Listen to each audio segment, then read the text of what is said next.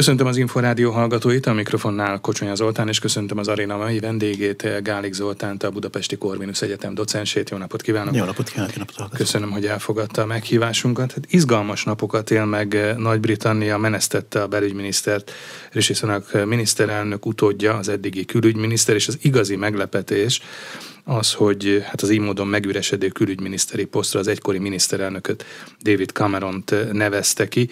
Több elemző és például a politikó egyenesen sokkolónak és drámainak nevezi a kormányalakítás, és azon belül is különösen David Cameron visszatértét vagy visszatérését. Valóban sokkolja ez most a brit közvéleményt és a brit sajtót?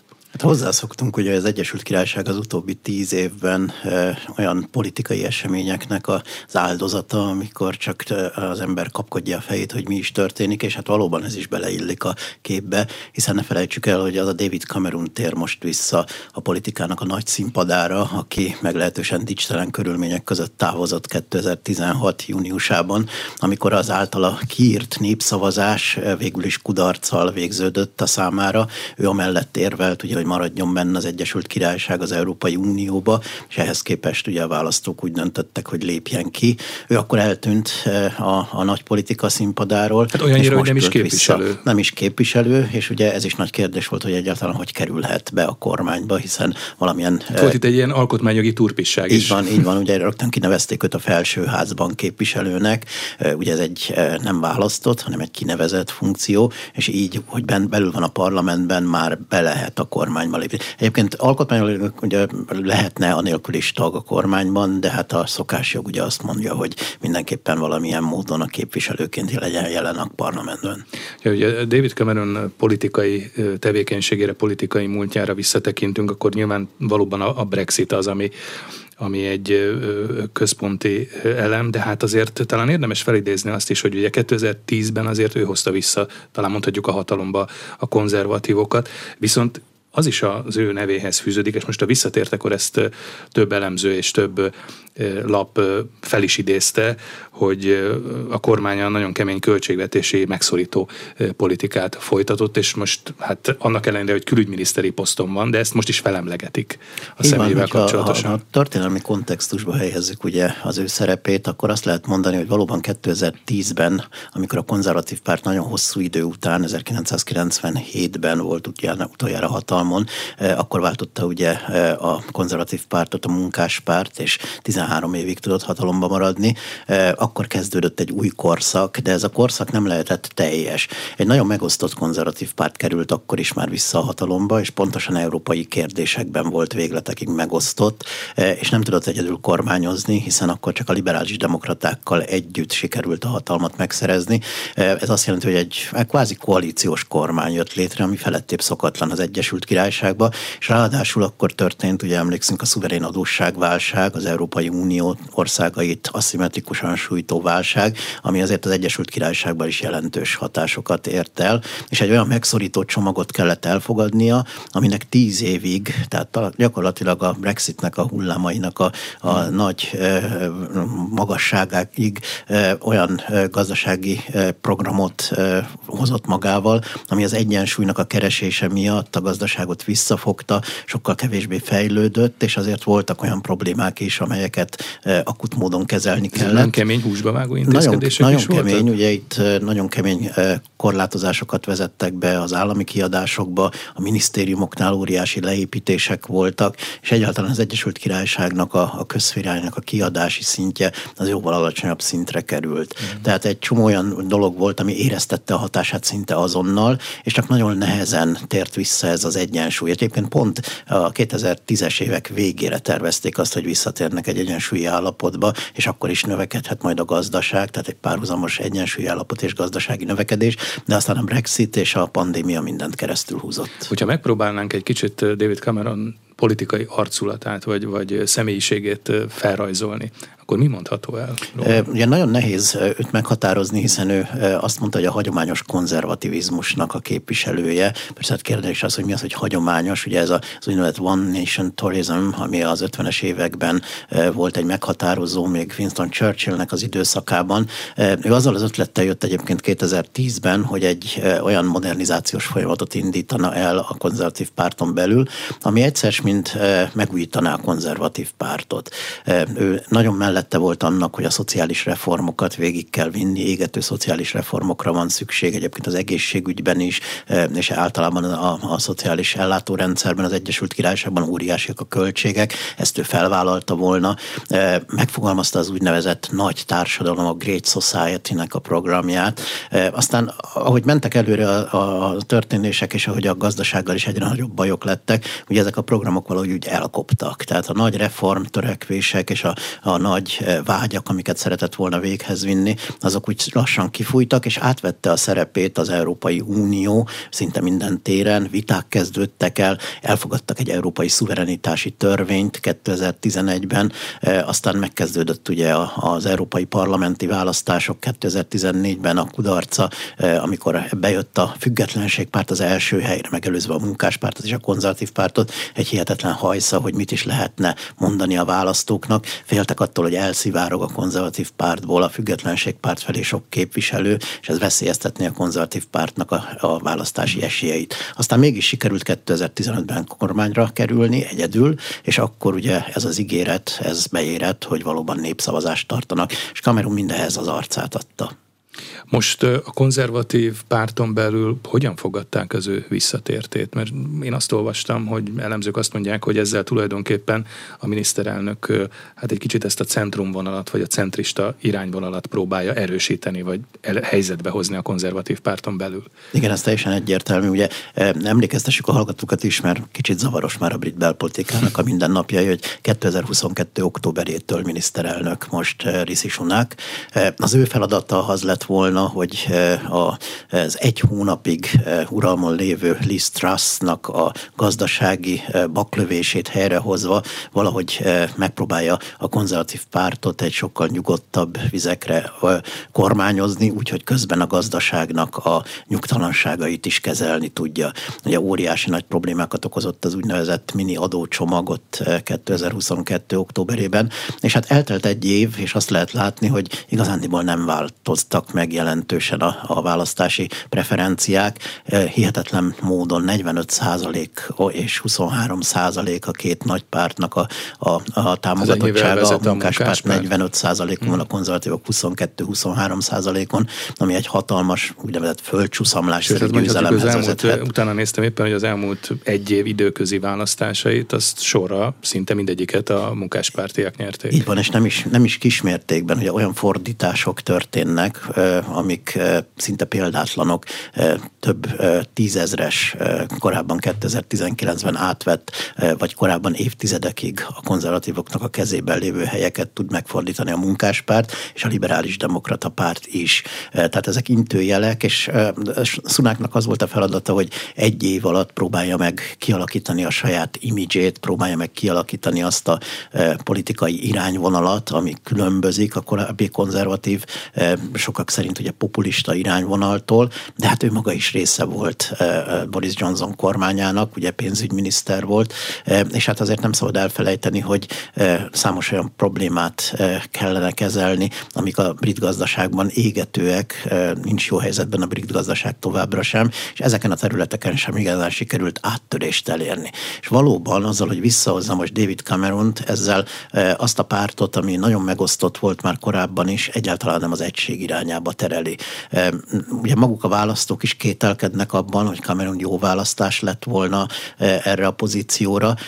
Egyébként érdekes, hogy a választások szempontjából pontosan az úgynevezett vörös falakat kellene megtartania a konzervatívoknak. Vörös falnak nevezzük azokat a választókörzeteket, ahol a konzervatívok 2019-ben a nagy munkáspárti fölény ellenére, amik évtizedes fölények voltak, mégiscsak tudott nyerni, és ez a radikális, néha populista ígéret, amit a Johnson kormány kormány képviselt, ez ezekben a munkáspárti körzetekben pozitív támogatottságra jár. És ezek az emberek azt mondják, hogy hát e, ez egy David Cameron által képviselt bukott politika, ez nem jó, úgyhogy lehet, hogy vissza fog ütni ezeken a területeken. És ugye magában a párton belül is a radikálisok, azok nem nézik jó szemmel a térvesztést. Az, hogy a külügyminiszteri posztot kapta meg David Cameron, ez mit jelenthet egyáltalán? Mi várható tőle ezen a poszton? Tett egy nyilatkozatot, amikor megkapta a külügyminiszteri posztot, és ez, hát ez nagyjából tömören is, hogy Nagy-Britannia félelmetes külpolitikai kihívásokkal szembesül, aztán az első útja Ukrajnába vezetett. Ugye ezzel mutatta a folytonosságot. Ugye az Egyesült Királyság, az Oroszország Ukrajna elleni háborúja kezdetett óta nagyon konzekvens külpolitikát folytat. Ugye Boris Johnson maga is többször járt Ukrajnába, a brit külügyminiszter is korábban ebben az évben is többször találkozott az ukrán vezetéssel, és hát ez a folytonosságot jelzi, hogy Nagy-Britanniának külpolitikai érdekei, illetve külpolitikai irányváltásra nincs, külpolitikai érdekei állandóak, és külpolitikai irányváltásra nincs szüksége. Másrészt pedig hát ott van a gázai helyzet, ugye amiben szintén az Egyesült Királyságnak óriási kihívás kihívásokkal kell finoman szólva szembenéznie. Hétvégén volt ugye egy 300 eh, ezer, sokak szerint milliós Sőt, ez már negyedik hétvége és volt, ez már a most negyedik, volt a legnagyobb hatalmas, igen, ami aztán eh, hullámokban ugye eljutott nem csak a konzervatívokig, hanem a munkáspártig is, tehát lesz mit tenni a David Cameronnak, és akkor még nem beszéltünk arról, hogy a Brexit után a brit külpolitika teljesen új vizeken evez, hiszen a multilaterális európai kapcsolatrendszer helyett egy bilaterális rendszert eh, kell kialakítania, ebben egyébként már már nagyon sok helyen előrelépett, és hát a, a, a nemzetközi kapcsolatrendszerben a nagyhatalmi pozíciót, vagy legalább a regionális hatalmi pozíciót valahogy vissza kellene állítani. Úgyhogy hát ez lenne csekészség. Majd szeretném, hogy még az uniós viszonylatra, vagy az uniós kapcsolatokra visszatérnénk, de még talán tegyünk egy kitérőt Kína felé, és ez azért is jutott eszembe, mert David Cameron kormányfőként erősen nyitott Kína felé, de hát mostanság azért ez a barátság már nem hangsúlyos, mondhatni nem hangsúlyos és London és Peking között. Igen, ez így van. Ugye ez, ez, az a terület, ahol viszont egy változásnak a szele fogalmazódik meg, hisz, vagy látszik, hiszen valóban a brit politika az utóbbi két évben nagyon konfrontatív volt Kínával kapcsolatban, sőt törvényeket akartak hozni a kínai befolyásnak a csökkentésére. Cameron viszont egy sokkal nyitottabb állásponton van ebben a kérdésben, úgyhogy ez is talán jelzésértékű, hogy itt változás lehet. Akkor beszéljünk azért egy kicsit az uniós kapcsolatokról, mint a Brexit kapcsán ez azért többször már érintőlegesen szóba került, és talán érdemes azt is felidézni, bár erről is már szó volt, hogy Cameron annak idején a, a maradás mellett volt, vagy a maradás mellett érvelt, bár hát ugye a népszavazás kiírás az mégis hozzáfűződik. A brit kormányfő Rishi Sunak viszont a Brexit pártján állt, most ugye egy kabineten és egy kormányon belül vannak. Ez jelenthet azért nézetkülönbséget, vagy egyáltalán nem közös nevezőt például az uniós kapcsolatok tekintetében? Ha megnézzük az uniós kapcsolatokat, akkor azt lehet mondani, hogy most éppen nyugvó ponton vannak, de ugye azért nem kell senkinek sem azt mondani, vagy hinnie, hogy ez így is fog maradni. Ugye sikerült pontosan Szunáknak egy olyan megállapodást kötni Észak-Írország tekintetében, ami a korábbi Boris Johnson által tárgyalt feltételeket újra tárgyalta, és egy kicsit nyugvó pontra juttatta az uniós kérdéseket, de továbbra sincs például a szolgáltatások területén átfogó megállapodás. Az Egyesült Királyság még egy csomó területen nem vezette be azokat a e, vámszabályokat, e, azokat az intézkedéseket, amiket e, megígértek a választóknak, és amik benne voltak a kormányprogramban. Tehát azért ez a folyamat, ez még az elkövetkező időben megint csak más fordulatokat vehet, és hát egyébként is lejár az az öt év nem sokára, amikor át kell gondolni, hogy milyen irányba megyünk tovább, megmarad-e az a szerződés, amit kötöttünk, vagy nem ez valóban egy olyan helyzet lesz, amikor a kormányon belül is kialakulhatnak feszültségek, és egyébként nagyon jól látni abból, hogy például Steve Baker, aki a konzervatív pártnak egy eh, nagyon jelentős eh, személyisége, eh, már rosszalását fejezte ki, hogy esetleg az uniós kapcsolatok azok más irányba mehetnek, mint ahogy azt a, ők jól látnák. Volt ez a, ha jól emlékszem, Windsori keret megegyezés, vagy keret megállapodás, ez azért bizonyos bizonyos területeken azért nyugvópontra helyezte az uniós mondjuk kereskedelmi kapcsolatokat, mert ugye ez itt a, az áruforgalom könnyítését tette lehetővé, vámfolyósok rendszerét hozta, és ugye Észak-Írország viszonylatában is tett egyértelmű szabályokat vagy szabályozást. Ez azért továbbra is érvényes, és ez segíti mondjuk a Nagy- Nagy-Britannia és az Unió kapcsolatrendszerét? Ugye az északír helyzet az egy feszültség, egy gócpont volt a két ország, illetve hát az Európai Unió és az Egyesült Királyság kapcsolatában, de ennél nagyobb ugye az a kereskedelmi megállapodás, ami az Egyesült Királyság egésze és az Európai Unió között van, de feltétel volt, hogy egyáltalán tovább tárgyaljunk, vagy fenntartsuk ezt a szerződést, az, hogy ez a kisebb szerződés, vagy kisebb probléma, ami azért óriási probléma, ez megoldásra kerüljön, és valóban valóban ez a Windsori megállapodás, ez nyugvópontra juttatta ezt. Ugye sokkal rugalmasabbnak mutatkozott az Európai Unió is, létrehozta ezeket az új szabályozásokat, például ugye az előbb említett zöld folyosónak a rendszerét, nem kell minden árut elvámolni, de azért tegyük hozzá, hogy továbbra is az északír terület az az Európai Uniónak a szabályrendszerét használja, és gyakorlatilag az Európai Uniónak a vám területe ezzel szemben, ugye az Egyesült Királyság pedig az Egyesült Királyságé. Ez is majd jövőre felülvizsgálatra kerülhet, hogyha Észak-Írországnak a lakossága úgy akarja, akár változás is lehet.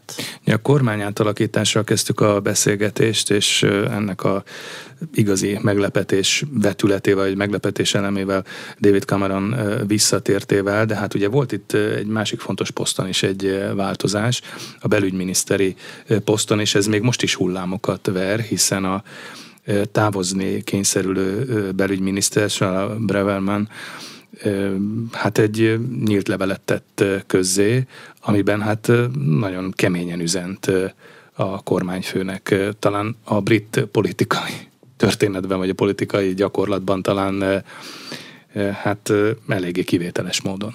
Hát itt is ugye ahhoz, hogy megértsük, hogy mi történik, egy kicsit kontextusba kell a történéseket helyezni. Ugye Suella Braverman az a belügyminiszter, aki egy nagyon radikális programot fogalmazott meg, az egyébként tényleg kiemelkedően magas menekült kérdésnek, menekült számoknak a kezelésével kapcsolatban. Nem csak hozzá kapcsolódik ez a problémakör, illetve ez a megoldás, hanem már a korábbi belügyminiszterekhez is. Ugye azt kell tudni dióhéjban, hogy Ruandával kötött az Egyesült Királyság egy megállapodást, és a menedék kérelmeket. Ez még eh, Boris Johnson. Ezt még Johnson idejében. idejében. A menedék kérelmeket azokat Ruandában bírálnák el, elvinnék oda azokat, akik az Egyesült Királyság területére érkeztek, és várnak a menedék kérelemnek az elbírálására, és ott bírálnák el. Na most ezt az Európai Bíróság, ugye az Emberi Jogi Bíróság, illetve a brit bíróságok is eh, törvénytelennek találták, és leállították már az első repülőt. Eh, Braverman pedig jelenleg ugye azon munkálkodott, hogy valahogy mégiscsak véghez mehessen ez a dolog, illetve most pedig legutóbb a palesztin tüntetések kapcsán, ugye ez az előbb említett hatalmas tüntetések kapcsán vádolta meg a rendőrséget azzal, hogy kettős mércét használ, és nem ugyanúgy bírálja el hát a két tüntetőt. A Igen, és ugye ez nagyon érzékeny téma az Egyesült Királyságban a rendőrségnek a függetlenség, az operatív függetlensége, és hát ezért kellett távoznia. Viszont... Deklaráltan a kormánynak semlegesnek kell maradnia mondjuk a rendőrség tevékenységét, Igen, illetve, illetve mert gondolom, hogy belügyminiszterként azért mégiscsak hozzátartozik, nem? Vagy hát magát az operatív függetlenségét, tehát hogy hogyan kell egy mhm. tüntetést kezelni, és mit kell tenni, azt ugye szakkérdésnek kezelik, mm. és ott a rendőrségnek van egy autonómiája. De az is probléma volt, hogy azt a miniszteri etikai szabályzatokat, amelyek lehetővé teszik ugye a kormánynak, hogy mielőtt egy kormánytag nyilatkozik, megmondhassák, hogy milyen keretekben nyilatkozhat, ezt átlépte, és ő úgy nem csak ezt a cikket. ugye, hanem a Times-ban egy, Times-ban egy vezércikket hozott le, pedig figyelmeztették, hogy ebben a formában ez így nem lesz jó, mégiscsak lehozta. Most, hogyha azért távolabbról nézzük a kérdést, ugye Bravermannek politikai szándéka az, hogy visszatér valamikor, akár akkor, amikor ez a bizonyos választás jövőre lezajlódik, és a konzervatív párt ellenzékbe vonul, akkor talán ő lehet a vezér arca annak a radikálisabb konzervatív szárnak. Vagy akár a konzervatív pártnak is? Akár vagy? a konzervatív pártnak is vannak valóban ilyen tervei, ami hát ugye ezeket, amiket most ő tett, egészen más kontextusban mutatja, barátja, és hát ez is hozzájárult ehhez a levélhez, ugye ő a politikai karrierjét azért fényezi megfelelően. Ez egyébként a mm, brit közvéleményben is hullámokat vert a ruandai megállapodás, amit hogy most ne. ugye tegyük hozzá, hogy azért a, most éppen a napokban a legfelsőbb bíróság is ugye hatájon kívül Így van, helyezett, tehát úgy tűnik, hogy ez, ez most már akkor végül is ez, ez elesett ez a... Nem, nem, szó sincs róla, nem, nem, nem. Ugye, ugye itt a ruandai ügyben tegnap volt éppen egy legfelsőbb bírósági döntése a, a legfelsőbb bíróságnak, és azt mondta ki, hogy ez törvénytelen, ez a megállapodás, de egyszer, mint nem csak azt állapította meg, ugye az európai joggal ellentétes, hanem bizonyos brit jogszabályokkal is szembe megy. Ugye itt egy nagyon fontos folyamat van, amit már David Cameron idejében is felvetettek, aztán az őt követő miniszterelnökök is, Johnson előtt előtt is, a Liz Truss eh, is, illetve Theresa May is eh, felvetett, hogy esetleg az Európai eh, Európa Tanácsból távozna az Egyesült Királyság, és az Európai Bíróságot, ugye az Emberi Jogi Bíróságot is kiírná a brit jogrendszerből. És ez továbbra is napirenden van, egyébként Suella Braverman pont ezzel próbál majd kampányolni, hogy tegye be a konzervatív párt a következő választási kampányba azt, hogy elhagyja esetleg ezt az emberi jogi rendszert, ami hát feletté furcsa lenne, ugye hiszen ők hozták ezt az 50-es években még létre, létre, de ugye Bravermannek vannak ilyen politikai szándékai, és hát ha veszít a konzervatív párt, akkor valószínűleg ő rögtön a Rivalda fénybe fog kerülni. Ja, hogy néz neki egyébként a gyakorlatban ez a Ruandával kötött megállapodás? Egyáltalán milyen nagyságrendben érkeznek most illegálisan menekültek. Nagyon megnőtt a menekültek kérőknek a száma. Ugye itt megint szét kell választani, ugye itt sok minden szokott Európa felől érkeznek? Európa felől érkeznek, igen. Ugye itt pont csónakokon, hajókon érkeznek az Egyesült Királyság területére. Próbáltak egyébként a franciákkal, erről beszélgettünk többször is megállapodásokat kötni, hogy visszafogják, de nem nagyon van látható eredménye, hiszen növekszik a, a számuk, és több tízezerre tehető. Ebben az évben és az előző évben különösen megnőtt a számuk.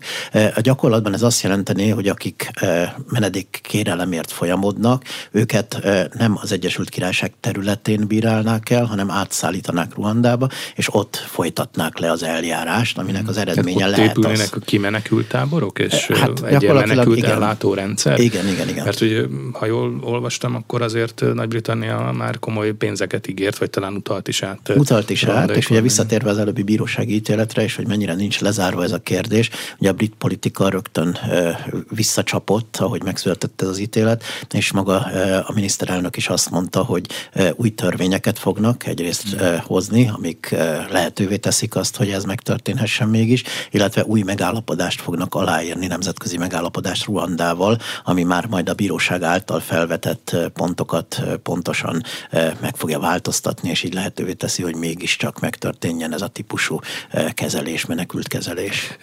Beszéltünk David Cameron politikai arcéléről, talán tegyük ezt meg Suella Braverman esetében is, mert azért a menekült kérdés kezelése mellett azért neki voltak még hát hullámokat verő ügyei az Igen, elmúlt volt, időszakban. valóban ugye hajléktalanokat például megint csak illetéktelen kifejezésekkel illette, de az egész politikai elitre is, és a munkáspártra is olyan szavakat használt, amiket legalábbis furcsák a, a, a brit politikai kontextusban.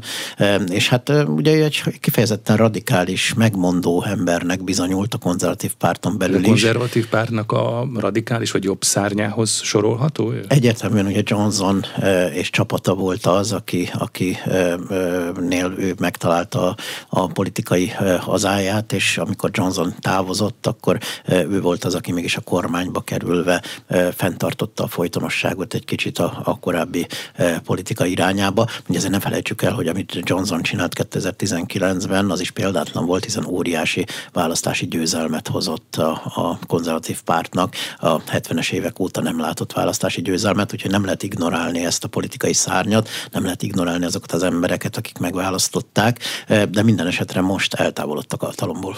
David Cameron visszatértéről már beszélgettünk, ugye az egykori miniszterelnök most a külügyminiszteri posztot tölti be, és első látogatásként már el is utazott Ukrajnába, és a távozó belügyminiszterről is beszéltünk, Suella Bravermanről, aki egyébként ugye talán erre is utaltunk már, egy levelet, vagy úgymond egy nyílt levelet tett közzé, és ebben igen keményen bírálta a brit miniszterelnököt, azt írta, hogy egyetlen szakpolitikai célkitűzését sem teljesítette, voltak éppen eredménytelen az eddigi kormányfői tevékenysége, sőt, érdekes módon megkérdőjelezte Szunák miniszter, miniszterelnöki megbizatásának érvényességét is, tehát ahogy őt megválasztották, vagy ahogy hatalomra került kormányfőként, Sokan azt írják, vagy mondják, hogy nem igen volt hasonló példa a brit politika történetben ilyen kemény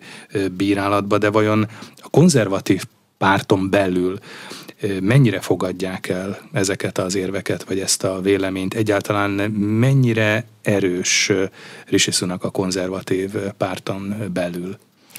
Azt kell tudnunk ugye, hogy megértsük, hogy mi is történik a brit politikában, és eh, Sunaknak a, a, a hatalma kerülése és a hatalmában eltöltött idejéről, eh, hogy amikor ő, ő tavaly októberben eh, átvette a kormányfői pálcát, Liz Truss-tól, aki ugye egy hónapig volt csak miniszterelnök, akkor egy hihetetlen sok érte a gazdaságot.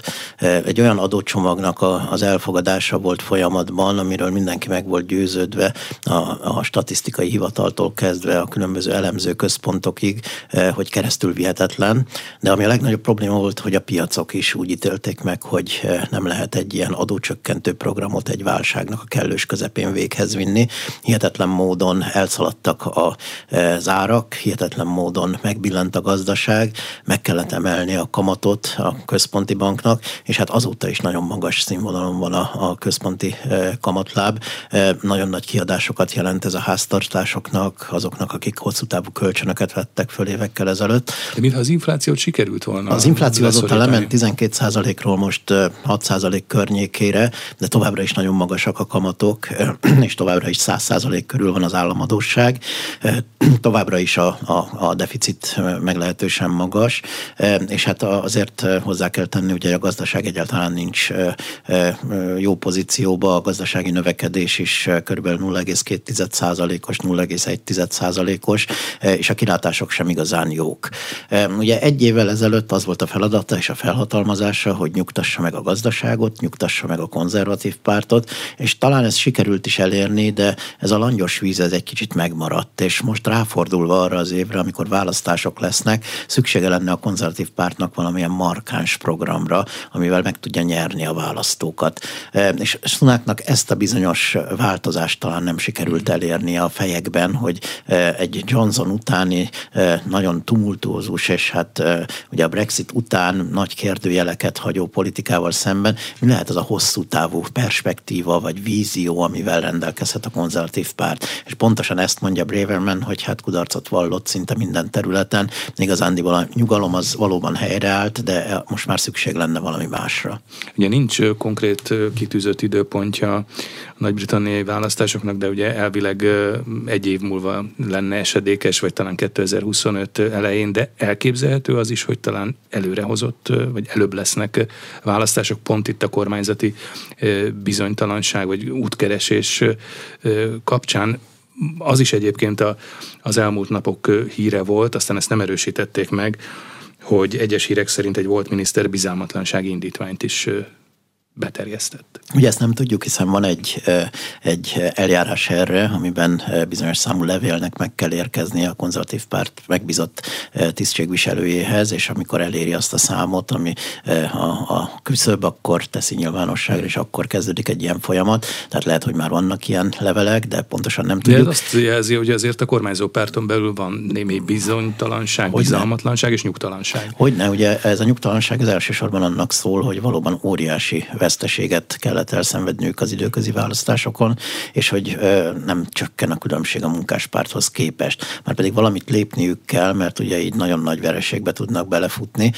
Úgyhogy elképzelhető, hogy ha mégiscsak lesz valamiféle, én legalábbis azt tudom elképzelni, valamiféle változás a következő időszakban, ugye a brit belpolitikában, vagy alkotmányos rendszerben mindig a miniszterelnök volt az, aki ki tudja írni a választásokat 2010-ig. Ott hoztak egy olyan úgynevezett úgynevezett fix idejű parlamenti törvényt, ami öt évben fixálta, és csak a parlament kétharmadával lehetett volna feloszlatni, de ezt megváltoztatták megint, úgyhogy megint a miniszterelnök kezében van, ő kiírhat valóban hamarabb, és hogyha rákényszerítik a távozásra valamilyen módon, vagy a bizalom megbicsaklik a kormányfőben, akkor valószínűleg ehhez az eszközhöz fog nyúlni. A munkáspárt most milyen helyzetben van azon túl, hogy hát egy 20%-os vagy 20%-ot is meghaladó fölénnyel rendelkezik a, a mérések és a közvéleménykutatások szerint. Azért is kérdezem ezt, mert hát éppen a héten a, az árnyék kormány is hát érdekes történéseket élt meg a gázai tűzszünet miatti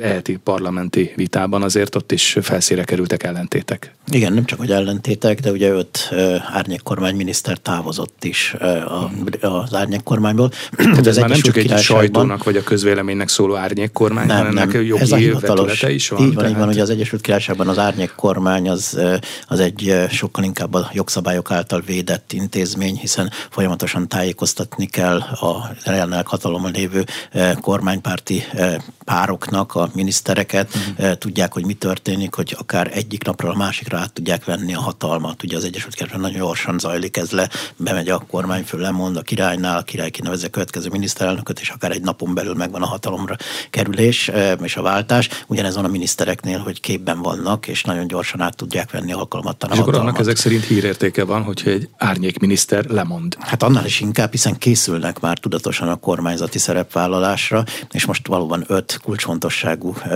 kollégája távozott Starmernek, aki a munkáspártnak a vezetője. Ugye itt egyértelmű az volt az ő bűnük, hogy nem álltak be a munkáspárt által képviselt politika mögé, ami nem akarta most megszavazni a tűzszüneti tervnek a javaslatát, és szembe mentek ezzel. A brit közvélemény egyébként hogy éli meg mindezt egyáltalán? A brit közhangulat milyen az izraeli-palesztin konfliktus, vagy hát mondhatjuk, hogy háború kapcsán? Hát finoman szólva is ugye megosztott, bár abban mindenki egyetért, ugye, hogy az Egyesült Királyságnak történelmi szerepe is van, ugye amikor eh, az első világháború után mandátum területként eh, területhez jutottak a régióban, akkor eh, utána elég hosszan még ott volt az Egyesült Királyság ezen a területen, úgyhogy elég jól ismeri a, a problémákat, és ugye aktívan is szerepet vállalt nagyon sok történelmi folyamatban. Viszont hát ez egy borzasztó nehéz kérdés, ugye az Izrael melletti kiállás az egyértelműen a, a brit hivatalos külpolitikának a, a e, sarokköve. Emellett persze, hát rengetegen élnek az Egyesült Királyságban, akik e, e, támogatják azokat a nézeteket, amik miatt most a, a, a tüntetések voltak, és hát ugye itt olyan szélesebb problémákörről van szó, ami természetes szinte, hogy a társadalom minden rétegét megmozgatja. Úgyhogy nagyon nehéz ebben elevickélni, hiszen mind a két választás az akár tudatosan történik, akár nem, e, választóknak a tízezreit mozgatja meg, e, és hát láttuk, hogy ebből milyen politikai problémák keletkeznek a jobb és a bal oldalon is. Itt beszéltünk arról, hogy akár előrehozott e, választások is jöhetnek Nagy-Britanniában, de hát ennek kapcsán azért felvetődik az is, hogy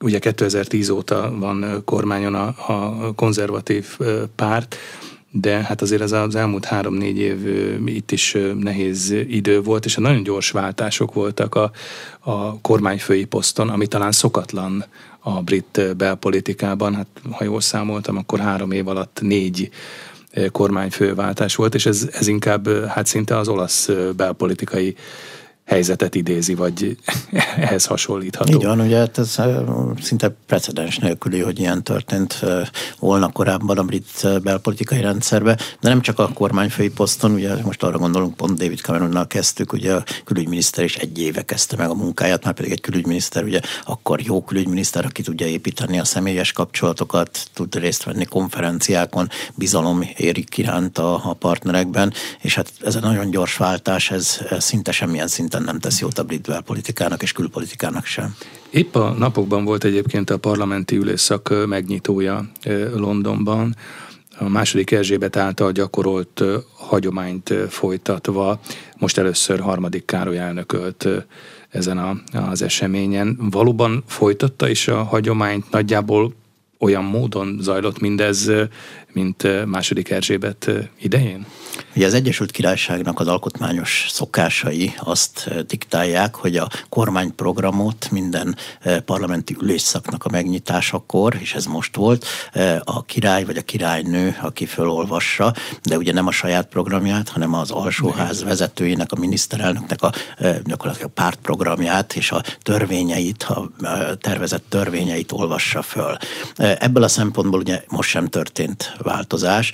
Károly felolvasta, amire mindenki nagyon figyelt, hogy vajon felvonja egy kicsit a szemöldökét, vagy, vagy valamilyen jelzést ad. Emlékezzünk csak, amikor ugye a második Erzsébet a Brexit után megjelent egy, egy Európai Unió zászlóját formáló öltözékben, az is egy kis üzenet volt, igen, de azért felolvast. Tehát most is megtörtént ez. Azt kell tudnunk ugye, hogy ez a program, ez az elkövetkezendő időszakra, tehát valószínűleg a következő választásokig tűzte ki a főbb törvényeket. 21 törvénynek a beterjesztése történt meg, és hát Károlyal kapcsolatban azt kell talán, vagy azt kellett figyelni, hogy van köztük olyan, ami a kormányprogramban az éghajlatváltozással kicsit, és azzal a programokkal szembe menve például lehetővé tette az észak, északi tengeri olajfúró tornyoknak az éves engedély megadását. Ugye korábban ez egy hosszabb időszakig volt, hogy nem adják meg, és akkor utána lehet, de most évente fel tudják vizsgálni, ami hát ugye Károlyt, mint ezen a területen ugye egy lelkes aktivistát,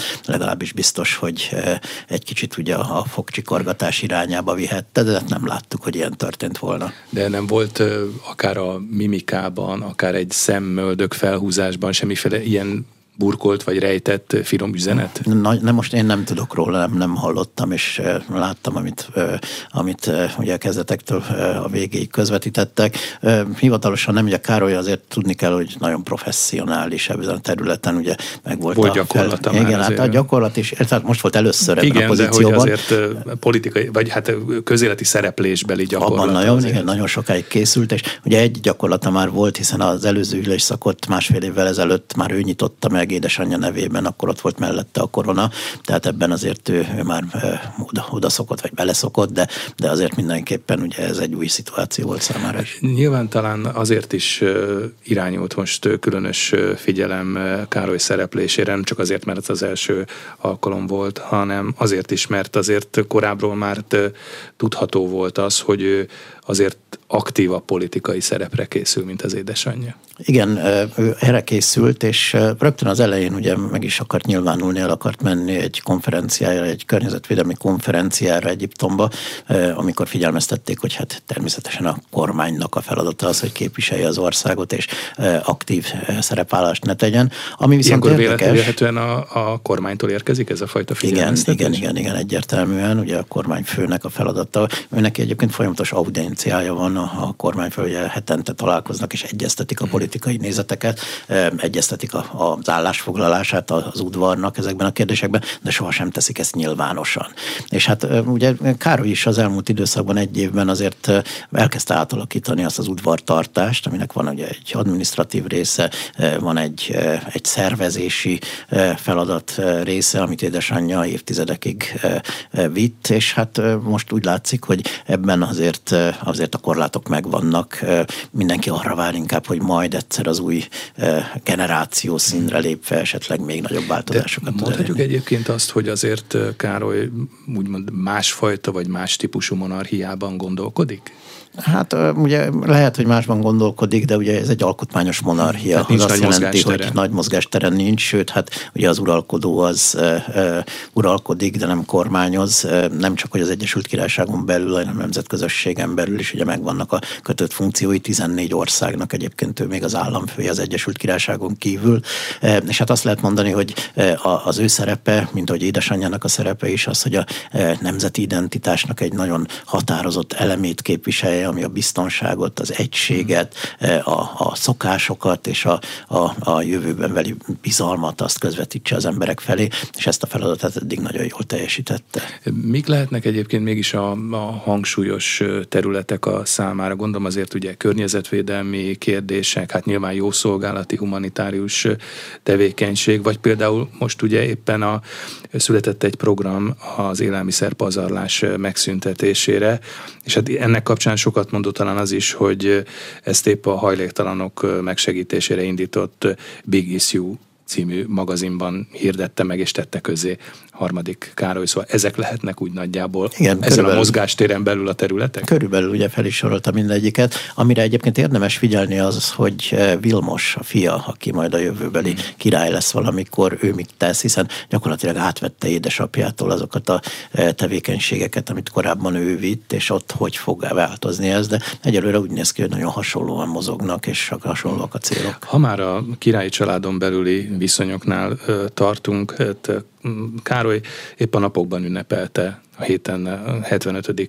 születésnapját. Egyébként tegyük hozzá, hogy minden különösebb ünneplés vagy ceremónia nélkül. Azt olvastam, hogy egy nyugat-angliai családi rezidencián Highgrove-ban ünnepeltek, ahol esti teára hívta azokat a helybeli lakosokat, akik egyébként vele egy napon születtek, tehát így volt egy ilyen közös teázás, ez viszonylag szűk körben lehetett, mert gondolom, ez nem sok helybeli van, aki, aki pont azon a napon ünnepli a születésnapját, viszont a, a, a lapok, és hát úgymond udvari benfentes források arról írtak, hogy Károly szomorúan vette tudomásul, hogy nem csatlakozott a születésnapi jó kívánságokat személyesen kifelező családtagokhoz másodszülött fia Harry Herceg. Kettőjük viszonya hm, továbbra is feszültnek mondható? Igen, igen, igen, hogy ez egyrészt van ennek egy bulvár jellegű része, hiszen a királyi család az mindig a középpontjában volt a bulvár sajtónak.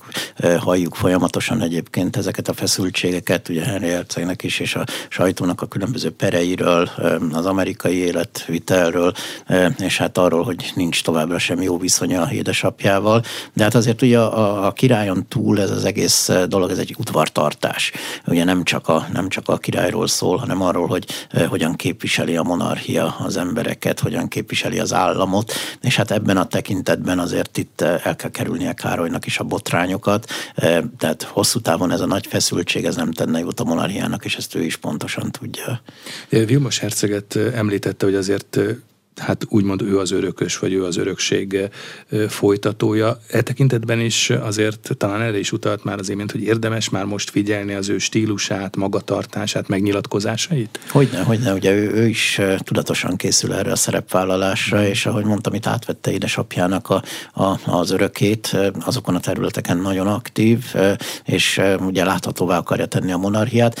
Egyébként az nagyon jó megfigyelés, ugye, hogy Károly édesanyjához képest egy picit vissza visszalépett talán a külsőségekben, a szimbólumoknak a használatában, bár azért ott vannak, hogy a koronázásra is gondoljunk, nagyon szépen koreografált dolog volt, de azért bizonyos eh, tekintetben jóval kisebb volt, picit máshogy használta hát, a szimbólumokat. Azért megvannak azok a protokolláris előírások, vagy ceremoniális előírások, amiket egyébként is nem lehet kikerülni. Igen, és nem is kell kikerülni, hiszen ez, ezek jelentik a hagyományt, és gyönyörű szépek voltak, és, és nem kellett akkora közönséget hívni, nem volt akkora a költségvetés, és ezeken a területeken is ugye megpróbálja közelebb vinni az emberekhez a monarchiának az intézményet, és hát pont ezt próbálja Vilmos is megvalósítani.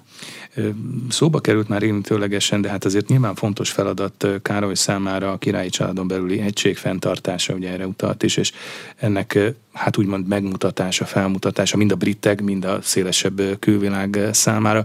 Nyilván ez fontos feladat, de hát egyúttal nehéz feladat is, hát látva az elmúlt évek történéseit. Hát különösen ugye akkor, amikor a politika ilyen és a gazdaság ilyen problémákat produkál. Úgyhogy megint visszatérve arra, hogy neki kell szimbolizálni a biztos pontot. Ez különösen az elmúlt időszakban, hogy amikor négy miniszterelnök váltotta egymást, és a gazdaság tényleg a tönk szélére került, vagy kerülhetett volna, nagyon pici választotta el, ebben az időszakban nagyon fontos volt, és hát pont akkor voltak a sajnálatos események édesanyjával is, ugye egy átmeneti időszak kell, úgyhogy talán pont rosszkor történtek azok a dolgok, gazdasági, politikai események, amikor még ő nem tudta átvenni ezt, de talán az elkövetkezendő időszakban, ha megnyugszanak, akkor egy picit jobban láthatóvá válik. A, király, a királyi családon belüli egység szimbolizálja egyúttal az Egyesült Királyság egységét is? Egészen biztosan, ezt? hogy ne, hiszen ugye nem csak az Egyesült Királyságban, hanem Skóciában, Walesben is ő, ugye, aki a, a, az uralkodó és aki a, a legfőbb államhatalmat képviseli, még akkor is, hogyha a miniszterek gyakorolják ezt az államhatalmat, és nagyon sokakban egyébként itt ugye a skót függetlenséggel kapcsolatban fölmerül, vagy éppen Walesben a, a nacionalista mozgalmakkal kapcsolatban, hogyha megnézik a nemzeti identitásnak az összetevőit, akkor a monarchia az még mindig egy nagyon fontos fontos szerepet tölt be a britségen keresztül, ami évszázadokig meghatározta a nemzeti identitást az Egyesült Királyságban. A brit polgárok számára is fontos és hangsúlyos, mindez fontos számukra a monarchia, és egyáltalán a monarchia egész intézményrendszere? Minden, ami ehhez kapcsolódik? Ez egy nagyon csodálatos intézmény a, a világban, hiszen ugye nem csak egy országon belül, és egy olyan országon belül, ami valóban leszámolt a gyarmati múlttal, és azt nem is mondtuk, ugye ott is az üzenetek mennek a királytól a gyarmati, volt gyarmati területek felé, amiben gyakorlatilag a múltnak a hibáit elismeri és közvetíti a, a volt gyarmati területek felé, ebben is nagyon jelentős szerepet játszott az elmúlt évben, de valóban az összetartása ennek a közösségnek ez egy nagyon fontos. Vannak ennek természetesen kulturális vonatkozásai, vannak gazdasági vonatkozásai, hiszen az Egyesült Királyság kötögeti az új szabadkereskedelmi megállapodásokat, de hát abban a szempontból is, hogy nagyon sokan azt mondták, hogy esetleg elindulnak a köztársasággá válás irányába, lásd Ausztrália, vagy éppen Kanada, bár azért ugye elég messze van még mind a két ország ettől, de mindenképpen ezen a területen is az összetartozás. Vannak képvisel. és voltak, vagy voltak erre vonatkozóan mérések, hogy a britek számára mennyire fontos a monarchia és a monarchia fenntartása, fennmaradása? Hát szinte folyamatosan vannak természetesen, úgyhogy Károlynak a népszerűségét is pontokban meg lehet nézni, hogy édesanyja 89%-on volt az elismertségben, vagy a kedveltségben, Károly 50-ről indul, de most már föltornázta magát 70% környékére. Hát aki szereti az ilyen számokat, az, az megnézheti. De ugyanígy a monarchiának az elfogadottsága is viszonylag magas még, a köztársaság pártiaknak a, a, az aránya az az utóbbi évben nem volt túl magas, tehát 10-20% között volt, viszont hát ahogy jönnek az új generációk, jönnek az új politikai problémák, gazdasági problémák, nagyon kell figyelni a monarchiának is, hogy a modernitást azért az egyik elemként tükrözze az identitásban. És véletlenül Károly is figyel, figyel most erre? Vagy figyel Egész biztos majd Károly is, illetve az udvartartás is, hogy nem. Köszönöm szépen a beszélgetést. Az elmúlt órában Gálik Zoltán, a Budapesti Korvinusz Egyetem docense volt a vendégünk itt az arénában. A műsor elkészítésében Módos Márton főszerkesztő vett részt. Én Kocsonya Zoltán voltam. Köszönöm, hogy velünk tartottak.